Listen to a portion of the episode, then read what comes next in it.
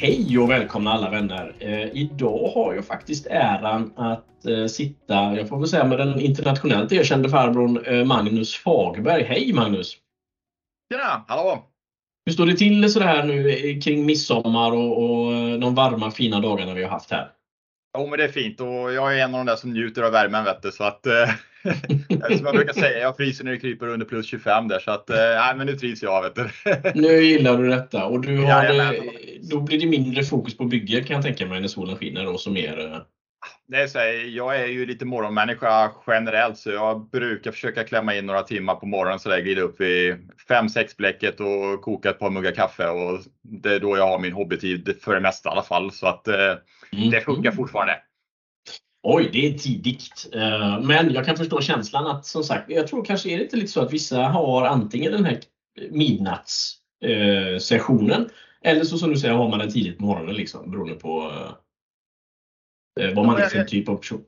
Ja, men jag tror det, jag tror det. Och för mig, jag blir bara trött i huvudet och seg på, på kvällen. Liksom. Så då, då får man göra det där, liksom, sitta och slipa, skrapa de där grejerna. Men att sitta och måla och sådär, det, det är den bästa eh, inspirationen för mig. Det, är- det är på morgonen när man är utvilad och fräsch för dagen. Liksom. Ja. ja, men vad spännande. Spännande.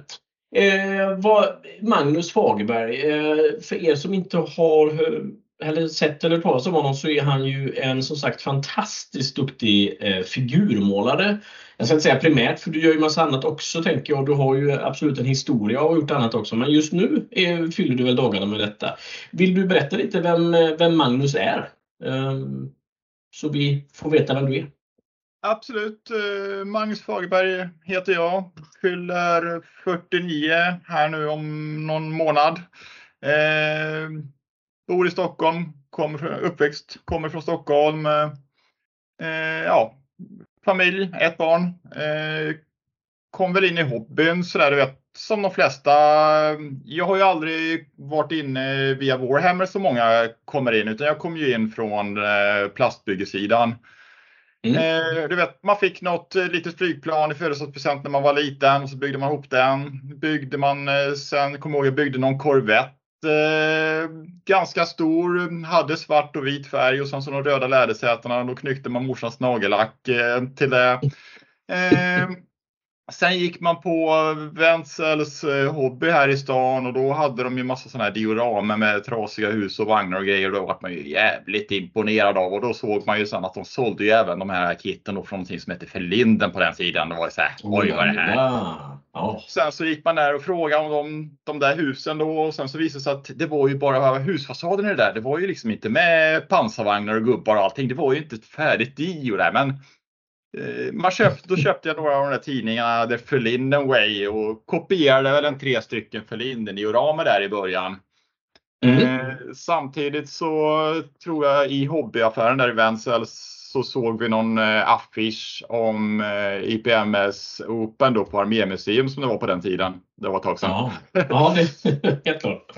Så gick man där och tittade så här, var jävligt imponerad. Jag kommer ihåg även redan då, jag var jävligt imponerad av alla figurerna där och så tänkte jag så här, oj, oj, oj, men det, det är väl mest gamla gubbar som hållit på i evigheter som sitter med sånt där. Så det, det får man ju aldrig komma själv liksom. Så att, men nu sitter man här. Ja, Men ja sagt, precis. eh, nej, jag gjorde ett gäng dioramer i början. Insåg väl eh, ju mer jag höll på att det är figurerna jag tycker är roligast och sen så växlade jag över. Så vart det väl eh, primärt figurer sen efter det egentligen. Ja, Okej, okej, okej. Vad, vad, på den här tiden alltså när man ändå kunde köpa för Linden i butik eller så här. Nu, um, nu är jag ju några år yngre än dig. Eh, men det måste ju varit en fantastisk upplevelse och en väldigt skön inspirationskälla liksom för att komma in i hobbyn såklart. Det förstår jag verkligen. Vad, gick det att köpa dem för pengar eller var det rimliga pengar på den tiden att handla en ett sånt?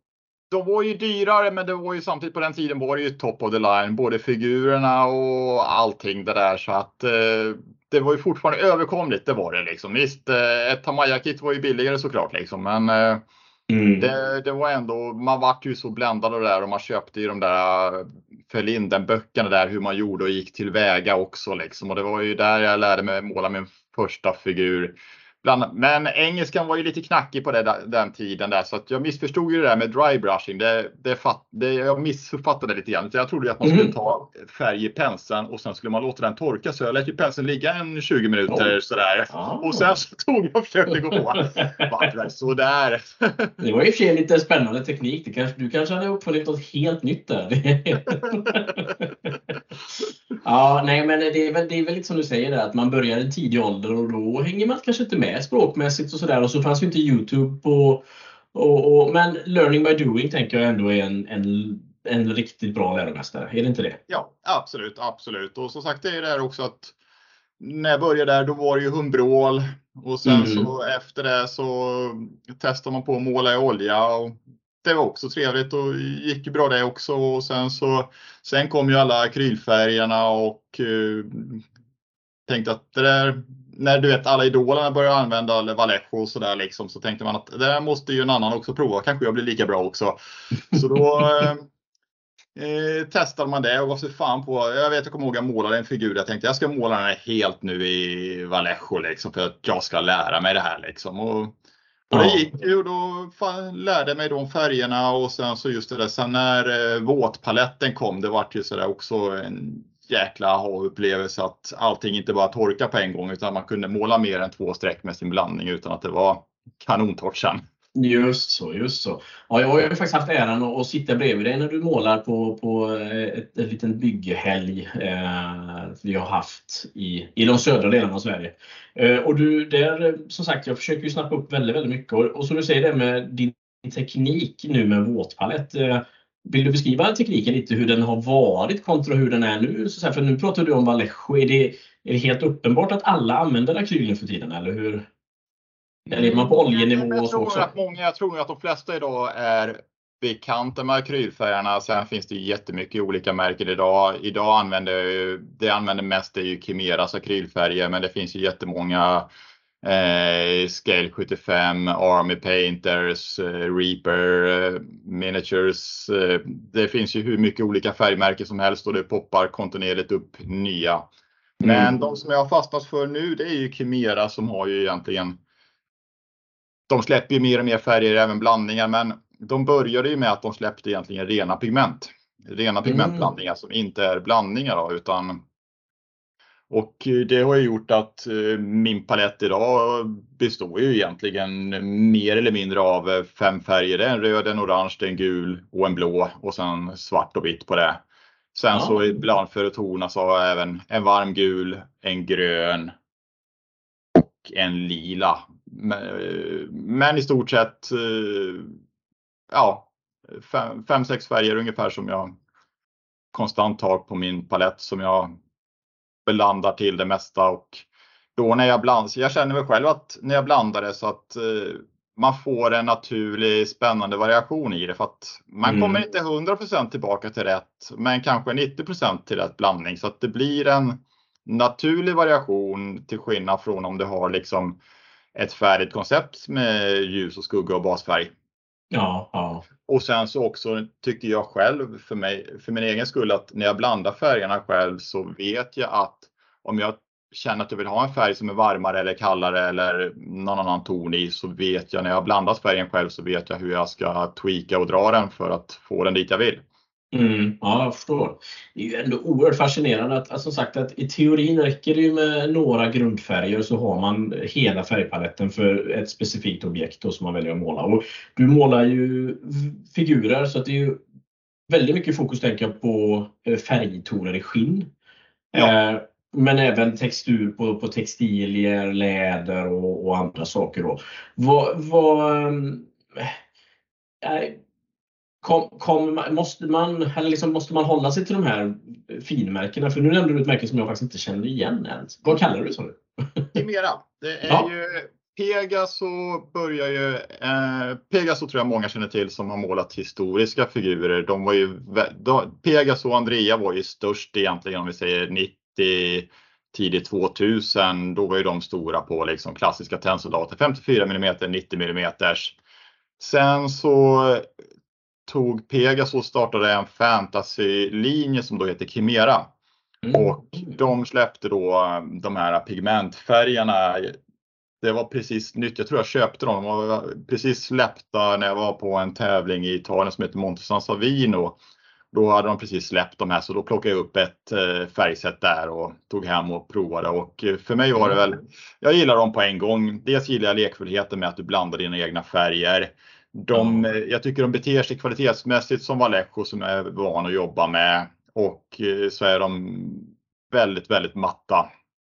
Så att för mig så, jag fastnar för dem på en enda gång och men som sagt, det är högst personligt vad man gillar liksom. Eh, jag vet, ja, jag har en kompis som han har hållit på och tragglat med de där jävla färgerna för att eh, eh, många av de tuffa killarna använder ju de där liksom. Och, eh, så, så att, och han har aldrig fått till det och han har varit så förbannad på dem så nu efter två år så gav han upp så fick jag alla hans de färgerna av honom för att han bara såhär, nej nu vill jag inte hålla på och jävlas med det här mer. Så att, nej, men, det, men det, det, det är ju bara att prova sig fram tills man hittar vad man själv gillar liksom. Ja, och det, det jag tänker också att det är ju att hitta den här balansen med, eh, för man kan ju köpa jättedyra och, och, fina saker som kanske inte är så förlåtande utan det kanske, kanske kräver mer av dig som, som figurmålare och så finns det ju de som du får ett perfekt resultat men det kräver en mer, eh, mer fokus, mer kunskap och erfarenhet av det hela där.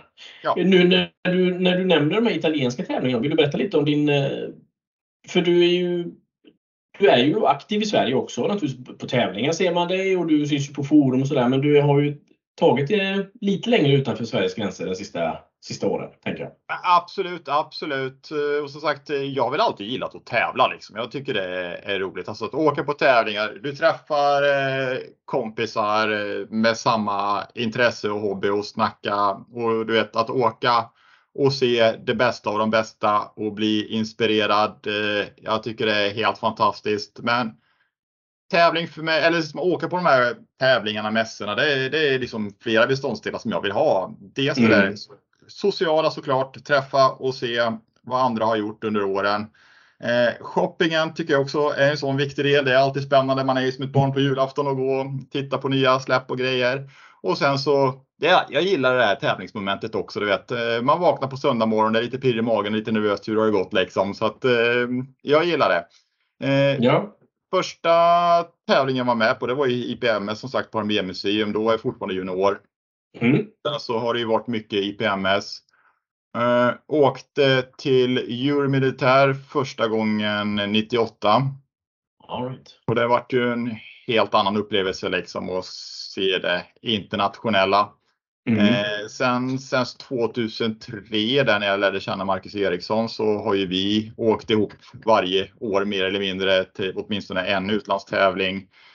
Eh, sen eh, kan det vara 2018 tror jag, då åkte jag på Monte San Savino första gången som eh, är ganska ren figurtävling i Italien. Ah, okay. eh, vi har börjat åka på Scale Models Challenge sen 2015 tror jag SMC i Holland.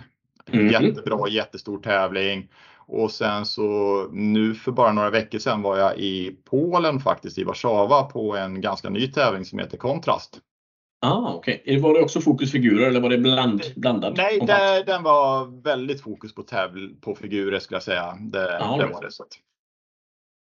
Ja, så spännande. Det, så att, eh, nej, man har ju trampat runt på de här tävlingarna ganska många år nu så det har gjort att man lär ju känna lite mer folk för varje år så att nu känns det som att nu har man en ganska stor umgängeskrets. ja. så att, och det är sådär att man tar vid där man slutade förra året liksom och snackar ihop sig och sådär. Så att det, nej, det är alltid roligt.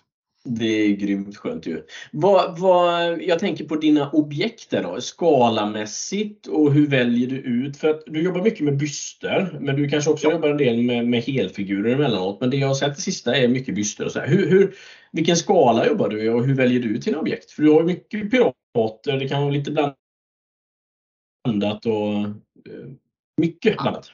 Absolut. Så vad jag gillar egentligen, jag är inte sådär att det måste vara ett visst tema, att det bara är eh, eh, amerikanska andra världskrigssoldater eller det är bara Napoleonfigurer eller bara riddare eller bara orker. Utan jag går väl egentligen mest igång på en karaktär, ett spännande bra ansikte för att det jag brinner som mest för egentligen det är ju just det där måla hud, måla ansikten, hitta det där uttrycket och jag tycker det är mm. jättefascinerande att sitta och läsa på och titta på liksom allt från konstnärer till andra modellbyggare och just det där olika hudtoner och hur du kan göra och lägga olika nyanser på olika ställen och mm. leka där. Så det är väl det jag brinner för. Så att ett intressant ansikte är väl det som jag eh, går igång på när jag väljer en figur egentligen. Sen så är det ju som sagt då eftersom jag gillar att måla ansikten och hud så mest så blir det ju naturligt att det är ganska, det är ganska tacksamt med en byst för att det är inte superkul att måla benen liksom. Fördelen är om du gör en helfigur att då kan du göra lite mer med landskap och grejer runt omkring. Liksom. Det, det, är ju, mm. det är ju det tacksamma där. Ja, Men sen så, eftersom jag tyckte att det var roligast med liksom då större figurer där det finns lite yta att måla på så har det blivit att jag har målat mer byster vilket har gjort att jag blivit ännu bättre på att måla byster. Så att det har ju gett en sån effekt liksom att ju mer man håller på desto mer tur har man när man gör det liksom. Så att, eh... Precis, var det Gunde Svan eller vem var det som sa så? Ja, Stenmark. Jag tror det. Ja, någon av dem. Ja. Jag har väldigt tur att jag tränar mycket. Men vad, eh, vad, vad, vad, vilken skala är det primärt? Det kanske väldigt olika när det gäller de här bysterna?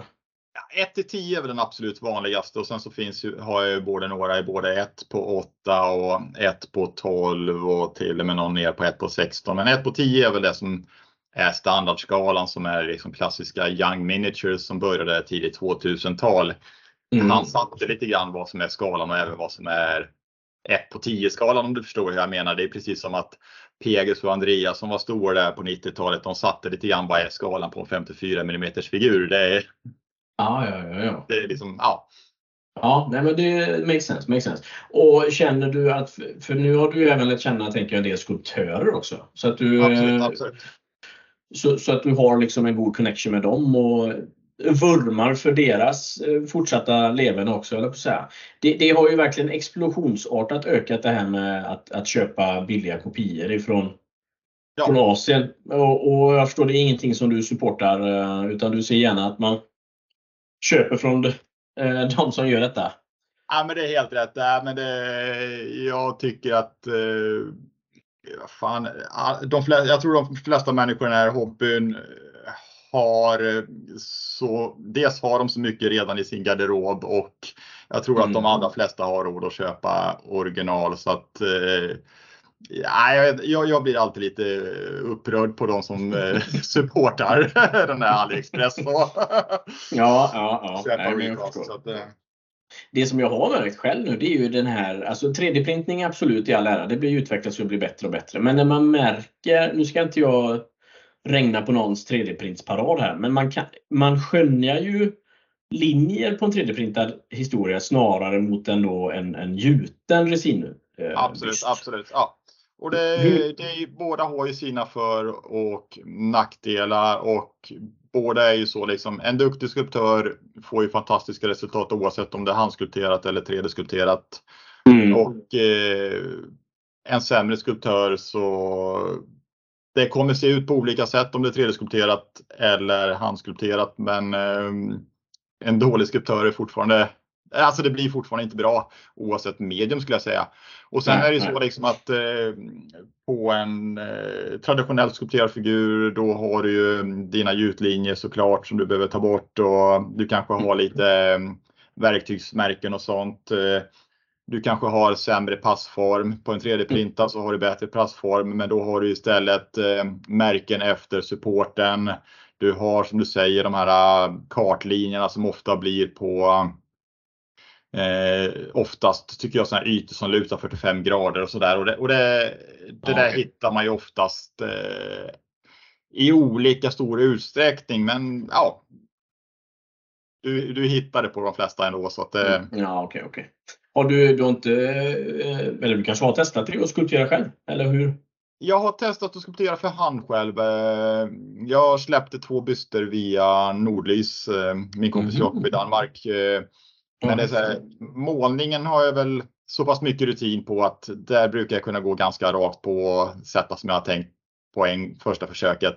Men Mm. på skriptering så är jag mycket, mycket mer nybörjare och där behöver jag göra om allting 20 gånger. Så, att, eh, så nu har det varit mycket fokus på just målning. Däremot har jag aldrig provat att 3D-skulptera för att eh, jag jobbar framför en dator hela dagarna så att eh, för mig är ju hobbyn att sitta och göra någonting med händerna lite grann. Så att eh, slå på datorn då och sätta mig och börja 3D-skulptera, det har, är det väl ingenting som har lockat mig. Nej, nej, nej. Men är det något du kommer fortsätta med och just göra handskulpteringen där, så i, i lera eller andra material? Det får vi se. Nu Det får vi se. på målning. Okej, okej, okej. Eh, lite det som jag tror många går och väntar på här nu och det finns ju inget perfekt recept på den bäst målade figuren. Men det, om man tittar på dina figurer så jobbar du oerhört mycket med ljussättning kan man säga. Alltså lite Mm. grann, var kommer ljuset ifrån? Vad är det för ljuskälla? Är det ett, kanske ett brinnande ljus? Är det eh, färgat ljus? Och så vidare. Och så vidare. Det är ju fantastiskt. Vill du eh, på det mest dramatiska sätt du kan eh, berätta om hela din process från en, en omålad byst till ett resultat du känner att det här kan jag åka och tävla med. Eh, Det är ju så här att när man börjar med ett nytt projekt, det är då det är som roligast. För då är, har man ju inte förstört den än, utan då kan det ju bara bli bra liksom i huvudet. Det är jävlar vad det här ska bli bra. Det ska bli det bästa jag någonsin har gjort liksom. Och sen så eh, jag brukar alltid börja med att googla runt och leta inspirationsbilder och det kan komma från att man ser en film, man ser någon annan modell som någon annan har gjort, man ser någon tavla, någon målning, eh, någon, Mm. eh, någon 3D-art eller någonting. Och sen så, jag brukar alltid spara ner ett eh, album för varje figur jag gör på Pinterest. För det är så smidigt för då kan Mm. man ha med sig det i telefonen liksom. Så att eh, är jag hos Ah, kompisar och målar så har man med referensbilderna. Då är inte de kvar hemma på datorn liksom. Utan då har man det Nej. alltid med sig. Eh, och sen så Ja, nej men jag eh, satte upp gubben. Jag brukar prima den med Citadels Chaos Black som är Games Workshop färg. Mest Mm. inte för att det är den bästa grundfärgen utan bara för att det är så smidigt att det kommer på sprayburk. Det går lätt att köpa den i butik. Eh, helt Ja, enkelt. just, just. Det är bara Ser, du alla, ser du alla avvikelser då också? Potentiella avvikelser som man har missat eller och så vidare? Eller hur? Ja, men oftast jag brukar försöka sitta och titta igenom ganska bra innan en skarp lampa med mina Optivices. Man ser för att nu börjar man komma upp i den åldern så att uh, gubben ser ju allting ser jävligt bra ut utan de där glasögonen så att ja. jag behöver den där förstoringen liksom för att eh, det var ju som när jag skaffade de där förstoringsglasen liksom. Och så här, innan hade man tyckt här att fan jävla bra det här blir, fan vad duktig jag är. Och så satte man på sig dem och så jäklar vilket kladd.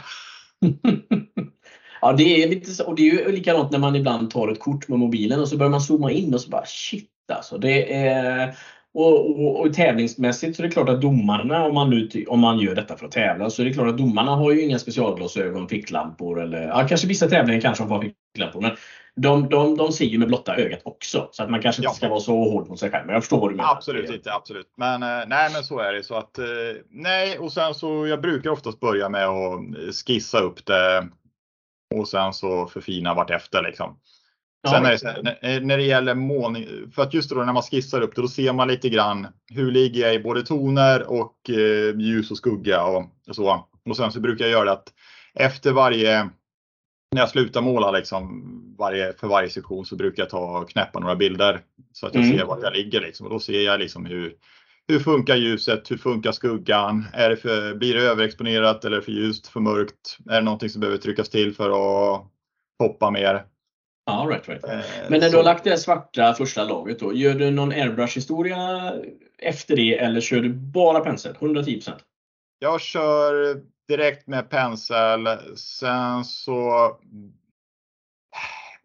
Om man säger så här, ska jag måla någonting vitt, ljust gult, någon som är jävligt jobbig att få och eh, täcka, då Mm. brukar jag airbrusha på den färgen med, ja då använder jag airbrushen för att få, få ett bra jämnt täckande lager så att man Ja, slipper ja, ja. alla de här jävla penselsträcken och allting. Mm. Eh, men eh, annars så är det väl eh, 95% pensel. Det var, var på en workshop på SMC förra året eh, på Arno Lazar och han gav det tipset att eh, bara underifrån blända lite grann med airbrushen från skuggsidan. Så att egentligen så alla, bara för att blända ihop det lite grann snabbare i skuggorna. Där det inte blir så markant. Och sen så egentligen alla, alla mellantoner och alla ljus är med pensel och sen så då ta hjälp av airbrushen bara för att spara tid i skuggdelarna. Ja, rätt, rätt, rätt. Och så börjar då det långa arbetet med att, att, att hitta den här hudtonen som du vill ha. Och så lägger jag tänker att du lägger på lager på lager på lager på lager i, i multum. Nej, nej, nej. nej. nej. För att jag nej. är, jag är för dålig, har för dåligt tålamod för att sitta och lägga bara massa tunna glaces. Det tycker ja. jag, jag, jag har svårt att få till det. Jag har inte riktigt tålamodet för det så att vad som varit en ögonöppnare för mig det med att blanda upp färgerna på ett bra sätt. Det var, jag hade workshop med Kirill Kanev, en eh, väldigt duktig rysk målare och mm. hans teknik att blanda ihop det med prickar, linjer, streck. Det var mm. någonting som passade mig som varit en sån här aha-upplevelse för mig. Liksom att, eh, eh, beroende på vad det är för textur och sådär att du liksom följer eh, till exempel huden, du följer liksom rynkornas linjer i naturlig riktning eh, och även på kläder, väck och du målar i ett sätt som gör att är det, är det liksom ett ylle som har en mer prickig textur så blanda ihop det med lite mer prickar. Är det någon grov canvastyg så kanske du blandar ihop det med lite mer eh, linjer i en riktning eller något sånt. Så att på så sätt blanda ihop det och det tycker jag för mig själv. Eh, det var något som funkade bra för mig helt enkelt som jag fastnade ja, okay. för ganska på en gång. Eh, och eh, mm, Nej, så, och sen så blir det så att jag går ju förvisso från ganska tjock färg till tunnare och tunnare.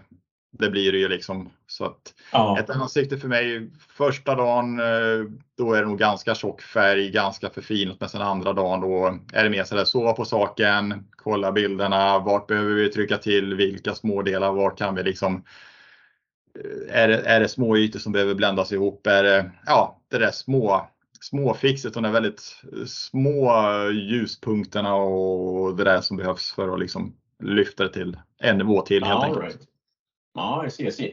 Och, och eh, nu ser jag ju dig på min skärm framför mig och då ser man ju vissa utstickande saker som har mer eller mindre ljus. Och så här. Finns det någon tumregel där för hur man ska tänka ljusmässigt? Eller ska man alltid utgå från en referensbild tänker du? Eller finns det någon lösning? Eh, ja, absolut. Nej, men det är bra. Jag tycker ju att det är bra att lära sig tumregler först. Sen när man kan tumreglerna kan man bryta mot dem.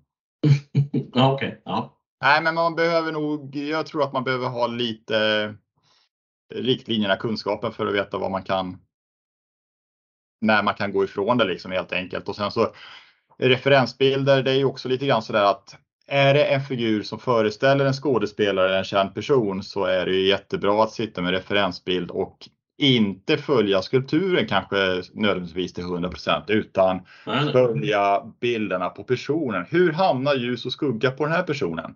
Mm, mm. Och inte nödvändigtvis att vara slav under figuren för att eh, du kan eh, styra ganska mycket med färg och din målning hur olika former och volymer upplevs. Ja, eh, eh, ibland, jag kan tycka att det är fascinerande. Nu, nu både du och jag vi gillar att vara kreativa med färg och jag jag önskar nästan att jag hade jobbat med smink för jag tycker att det är sjukt spännande. Men just med smink exempelvis kan man ju så att säga med, med grundcanvasen ansiktet få en människa att se helt annorlunda ut.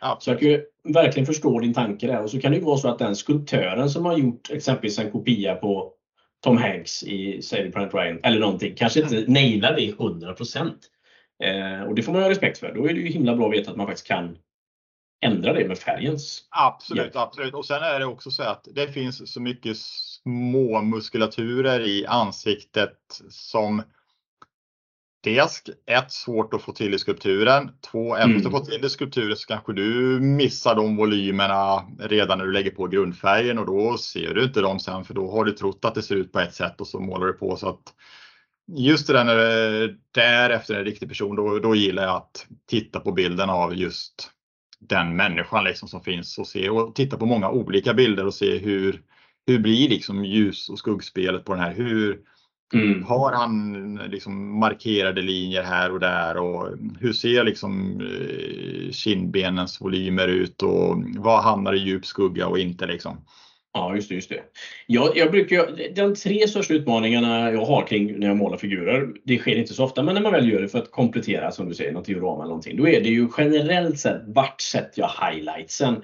Eh, på näsan, kring ögonen eller strax under ögonen. Och sen är det naturligtvis då ögon generellt sett. Eh, I 1 35 kanske man inte, ibland kanske man till och med ska hoppa över ögonen och så göra något lite mörkare kring det. Ja, ja. Och, och det tredje jag kan ha utmaningar det är ju hår. Och nu har ju du massa hår i ansiktet. Ja. Eh, primärt i ansiktet. Men, men det är också så här, hur, hur tänker du kring ögon exempelvis? Och hår och sånt? Absolut. Eh, ögonen, där är väl så här. Generalfel nummer ett, det är att göra ögonvitorna för vita. Eh, Jag brukar utgå från en ganska skitig mellanlila ton nästan och sen så börjar jag då highlighta ögonviten som jag tänker att jag målar en kula liksom så att jag highlightar den runt så att den blir ljusare och ljusare in mot där irisen sen kommer hamna. Och det gör ju att jag även då har en eh, guideline när jag ska börja måla irisen. Mm. Eh, För då har jag liksom ett ljusare parti där. Så att jag börjar med att måla ögonvitan som en boll. Ja, Som men aldrig, inte, inte kallvitt då utan Nej, utan en sån här grålila mellanfärg som sen går till någon så här halvljus grålila helt enkelt. Och sen så Mm. lite, oftast brukar jag gå lite kallare på light på mina ljus då i ögat. Eh, Men det där är också så här beroende på vad det är för människa eller som jag målade en figur av Danny Trejo som då är i kanske Mexikosol och det blir lite mer gula ögon och lite mer rödsprängda mm. ögon. Så att lite beroende på objekt såklart också. Men inte måla, man ska måla ögonvitorna mörkare än vad man tror. Det är mitt första tips på Ja. ögon. Och sen på håret är väl att för håret så släppa den där liksom eh, stoppskyddsskuggningen eh, som kom på 90-talet. Att allt som är uppåt ska vara ljusast och sen så blir det mörkare och mörkare neråt. Utan att på håret tänka att man kanske lägger eh, som en gloria istället med de största lightsen. Ja, utveckla. Det, det, det låter spännande. Så att om du tänker ta om du har den här klockskylten då så kanske det blir då klockan två som har det största ljuset på sig. Eh, tittar man till exempel på så här hårfärgningsprodukter eller någonting så de har ju oftast väldigt, väldigt snygga bilder på hår och då blir det oftast att det blir eh, ljuset är som ljusast kanske ungefär strax ovanför tinningen eller sånt där. Mm. Likadant eh, på om du har någon figur med skägg att det ljusaste kommer inte liksom högst upp på skägget utan en liten bit ner. Ja, ja, ja. Och det är lite grann samma sak även när jag målar ansikten till exempel på kindknotorna. Det ljusaste är inte högst upp alltid mot ögonen utan en liten bit ut på kindknotan där ljuset, att man tänker att ljuset kanske kommer så här 45 grader in eller något. Mm. Mm. Och du, jag har ju äran att sitta och titta på dig eh, samtidigt här och se faktiskt vissa saker som du säger direkt här, att de är lite längre ner. Nu har du en fin mustasch och, och ljuset kommer något längre ner där också. Så att, eh, det är ju väldigt, väldigt många bra, bra tips, absolut. Och Sen kan man ögonmässigt. tänka sig också då att eh, till exempel håret då är ju eh, blankare material oftast än huden vilket gör att du kanske får snabbare övergångar till dina ljus. Att det är inte lika lång sträcka som det pö om pö går över på utan att det hoppar lite, lite snabbare i skillnad mellan ljus och skugga. Ungefär Mm, som Metall blir ju ännu mer extremt liksom, men att, eh, så att man får en viss lyster, en blankhet på håret helt enkelt. Ja, och den kan, den kan komma ganska omedelbart menar du? Så att det kan nästan bli en skarp kant om man... Eh, Ja, kanske inte skarp kant, men en ganska kort, kort eh, liksom, eh, eh, bit som du gör den här övergången på. Mm. Ja, vad spännande. I vissa mindre skalor så har man ju väldigt lite yta att göra de här övergångarna på. Eh, Absolut, absolut. materialtips där, hur tänker du kring, för det, allt är ju mer eller mindre materialsport men sen handlar det i slutändan om vem som håller penseln såklart. Men hur, eh, hur ska man tänka där med vilka penslar man arbetar med och material så? Eh, Prova sig till en viss gräns. Jag provade väldigt mycket olika penslar i början. Eh, Mm. Jag fastnade för Winston Newton serie 7-penslar. Eh, de tycker jag är bra. Är de absolut bäst? Nej, det vet jag inte om de är. Eh, men de går att köpa i en konstnärsaffär över disk så du kan titta på hur spetsen ser ut och sådär. Eh, det finns många andra high-end märken, till exempel Da Vincis Maestro serie 35, också väldigt bra penslar, men lite mer svåra att få tag i tycker jag. Det finns ett märke, ett engelskt märke som heter Opus som ska göra väldigt bra penslar. Jag har aldrig provat dem själv just för att de är dyrare än serie 7 penslarna och också ska man beställa dem från USA med tull och frakt och allting. Så att jag har väl fastnat för serie 75. Jag tycker att, eller serie 7 menar jag, förlåt. Serie 7. Jag använder storlek 2 på penslar. Okej. För att en 2 håller mer färg för mig, men att ändå har en bra spets. Visst, de är dyra. De ligger på 250 kronor penseln. Men för mig tycker jag att det är värt det för att beroende på liksom hur de beter sig, stunsen i dem. Så att det blir väl det jag har kört på under lång, lång tid.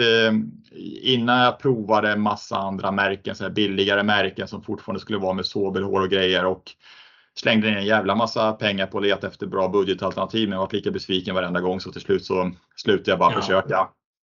Ja, okej.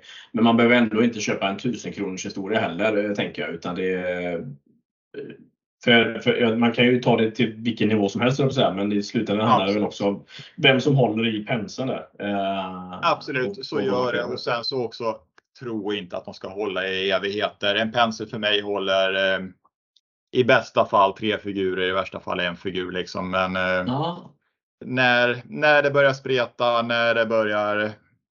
Man känner på penseln när den inte beter sig längre och det blir mycket roligare att måla med en ny pensel. Så att byt ut, byt ut dem, byt ut dem. Och ha inte de där förväntningarna att det ska hålla i evigheter. Det gör det inte. Nej, nej, nej. Men då vårdar du dina penslar också som att de vore dina barn? Eller är det mer som du säger? Nej, nej. Nej. Nej, okej. Det behövs inte helt enkelt. Jag tänker figurmässigt här då. Då har man ju målat som du säger både ögon och hår och hud. När vet du att du är klar med figurerna? När känner du att nu jäklar, nu kan jag inte göra mer? Det är väl när det är good enough. Okej. Vem var det som sa det? Finish not perfect. Just det, just det. Nej, men man får lägga sig på någon nivå när man får säga att nu är det klart, nu är jag nöjd med det här, nu går vi vidare på nästa projekt. För att visst, man kan lägga ner exakt lika mycket tid till och bara sitta och finlira. Men är det någon som kommer se det? Ingen annan än dig själv. Det är bara du själv som ser det och är det värt arbetet? Nej. Kan man göra för mycket tänker du eller att man förstör sin grund? Det tycker jag absolut att du kan göra för att jag menar, det är lite grann så där också att blir det för perfekt så tappar du lite grann det levande i figuren. Det var som min stora idol Kirill Kanaev sa där. I paint also the imperfections. Ja, men det blir ett liv att det är inte perfekt liksom. Självklart ska det inte synas då massa stora penselsträck och grejer, men att det är lite olika textur och variation i huden. Det gör att det ser mänskligt ut för det är nog bara retuscherade fotomodeller som är perfekta och inte ens de är det. Så att. Nej, det är väl en poäng. Jag tycker det ger ett liv med att det blir lite. Att det händer lite grann i ansiktet, att det blir en karaktär liksom. Ja, ja. Ja, men vad fint, vad fint. Om du har några tips och råd här nu då till de som blir väldigt inspirerade av dig att lyssna här. Hur tänker du att man för att kunna få ett resultat som gör att man känner att det här var ju kul, det här vill jag fortsätta med. För vilka typer av objekt ska man börja med? Ska man börja med en 1-35 figur som du har från Dragon i hyllan? Eller ska man, tycker du investera i någonting eh, bystmässigt, penselmässigt, färgmässigt? Eller känner du, vad har du för tips att ge? Det är väl lite grann vad man är intresserad av. Vill du måla 1-35 figurer för att ha komplement till din pansarvagn så är det väl det du ska måla liksom. För att det är ändå skillnad på hur mycket du kan klämma in på en 1-35 jämfört med en byst på 1-10. Det är stor skillnad hur mycket du kan klämma in på den liksom. Så att, och sen titta på andra och bli inspirerad och har du möjlighet att gå på en workshop så gör för tusan det. Det tycker jag är någonting själv. Själv tycker jag det är någonting som är otroligt givande när man har möjlighet. att gå på en workshop hos sina idoler och lära sig och sitta bredvid någon och titta och måla och se hur de jobbar med mm. penseln, färgerna, eh, tolka volymerna och allting. Så att det tycker jag ger otroligt mycket. Och sen som sagt, åk på tävlingarna. Du träffar andra människor. Du ser vad andra människor gör. Våga gå fram och fråga folk på tävlingen hur de mm. har gjort. För att, eh, det är svårt att bara sitta hemma för sig själv och lära sig. Även fast det finns jättemycket på internet och Youtube och det är filmer som visar, det tar till en viss gräns, men, gräns, men alltså ändå det är att det är personliga one-on-one. Ja, det ja. tycker jag ger jättemycket om, om möjligheten ger sig. Mm, det kan jag tänka mig. Då får, vi, får du kanske räkna med att en del kommer fram till dig eh, nu här. Vad kommer vi se dig på i Sverige någonting i år tror du? Eh, C4? Eh, IPM? Nej, det blir oh, inte C4 i år för att eh, de ligger lite tätt där så att jag kommer åka, som det ser ut nu så kommer jag åka på Scale Model Challenge och sen så kommer jag åka på Monte Sansovino. Det är eh, fyra veckor emellan dem där och sen så ligger C4 mitt emellan och jag känner väl själv att vara borta från familjen tre, tre helger och fyra det blir lite för mycket så då får tyvärr C4 stryka på foten här för jag tycker C4 är en väldigt trevlig socialt mycket uppskattad tävling så mm. tyvärr så får den stryka på foten i år. Ja, då får man åka till SMC för att, för att se dina objekt. Eh, men jag kommer ju med din tillåtelse lägga ut lite bilder sen på vår Insta-sida så man kan se dina arbeten ja. också. Och eh, det finns ju som sagt mycket att lära egentligen bara att titta på dina figurer. För det är ju framförallt det här som jag tycker är väldigt spännande. Det är det här med ljussättningen och mm. Nu är du så duktig att du, eh, jag som bara vill ha en grund form av en figur som faktiskt ser ut som en figur. Men du jobbar ju med nästa nivå när det är den här ljussättningen och eh, jag hoppas verkligen att jag själv kan sakta men säkert utvecklas till detta. Men det handlar ju bara om att öva, tänker jag. Och våga. Ja, absolut, det är många timmar och sen så som du säger, precis som du säger, liksom att har du en byst, speciellt om det är en byst med en speciell uniform, då finns det inte så mycket annat än ljuset du kan använda för att göra det till ditt eget. Skillnad är det en fantasyfigur, då kan du måla den i andra färger och grejer. Men ska det vara en eh, andra världskrigs uniform eller någonting så du behöver hålla dig till någonting så att det åtminstone ser troligt ut att det är den uniformen. Så då är det ju att leka just det där med ljus. Kalla, varma ljus, olika reflektioner. Mm. Eh, och där finns ju en jättebok, jättebra bok eh, av en kille som heter James Gurney. Right. Som är väldigt bra som eh, beskriver just olika så här ljusförhållanden och sånt där. Sen så kan det bli lite mycket att plöja en hel bok om du aldrig har hållit på med det överhuvudtaget. Så då är det ju bra att du har någon som ger dig åtminstone en, en start, en grund att kicka igång och börja tänka i de banorna. Ja, ja. För det blir ett det blir ett nästa steg med tänk just det där med ljus, eh, färglära, eh, balans mellan vilka färger ska man använda, vilka färger ska man trycka till, vilka ska man hålla baka och tona, tillbaka och tona ner. Så att, eh, mm. det, det, det, är ett ganska stort kliv och ta det men det är definitivt görbart. Men det går att snabba på processen genom att ha någon som visar sig. Helt klart. Det är, det är nyttigt faktiskt. Och jag, jag har blivit inspirerad här nu så jag ska upp och välja bland mina 300 Vallejo-färger här. Men uppenbarligen behöver man bara fem så att jag får, får sortera ut några här. Eh, Magnus, stort, stort tack här för att du eh, delade med dig av dina erfarenheter, kunskaper och eh, jag lärde mig väldigt, väldigt mycket av detta. Och det är jättetacksamt. Och som sagt, jag kommer lägga ut så att man kan se dina arbeten. Jag vet inte, kan man se ditt arbete digitalt någon annanstans också? Eh, jag har ju de tre plattformar som jag lägger ut på det egentligen Facebook, Instagram och sen Putty and Paint. Putty and Paint, okej. Okay. Ja. Yes, och då är det bara att googla upp detta så, så hittar man det. Ja men precis, uh, precis. Så Putty and Paint är ju fördelen med det är att där har du ju ganska, eh, de eh, förminskar inte bilden på samma sätt som Instagram och Facebook. Mm. Så då kan man verkligen gå in i detalj på dina se hur kladdigt det är egentligen. På djupet. Magnus, tusen tack. Eh, som sagt en av eh, Europas vassaste modell, eh, figurmålare. Så att jag tackar ödmjukast för tiden vi fick här idag med dig. Så önskar jag dig stort lycka till på alla tävlingar som du ska delta i sommar här. Så så får vi se när vi ses. Vi har ju setts förr i olika modellsammanhang så hoppas att vi ses framöver. Så tack för detta Magnus! Tack så jättemycket Christian! Supertrevligt och allt roligt och ha en jättebra sommar! Tack detsamma! Hej hej! Hej!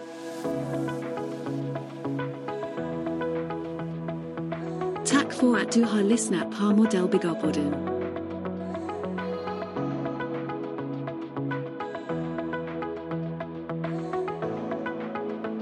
Mod, mod, mod, mod, Modellbyggarpodden. Mod, mod, mod, mod.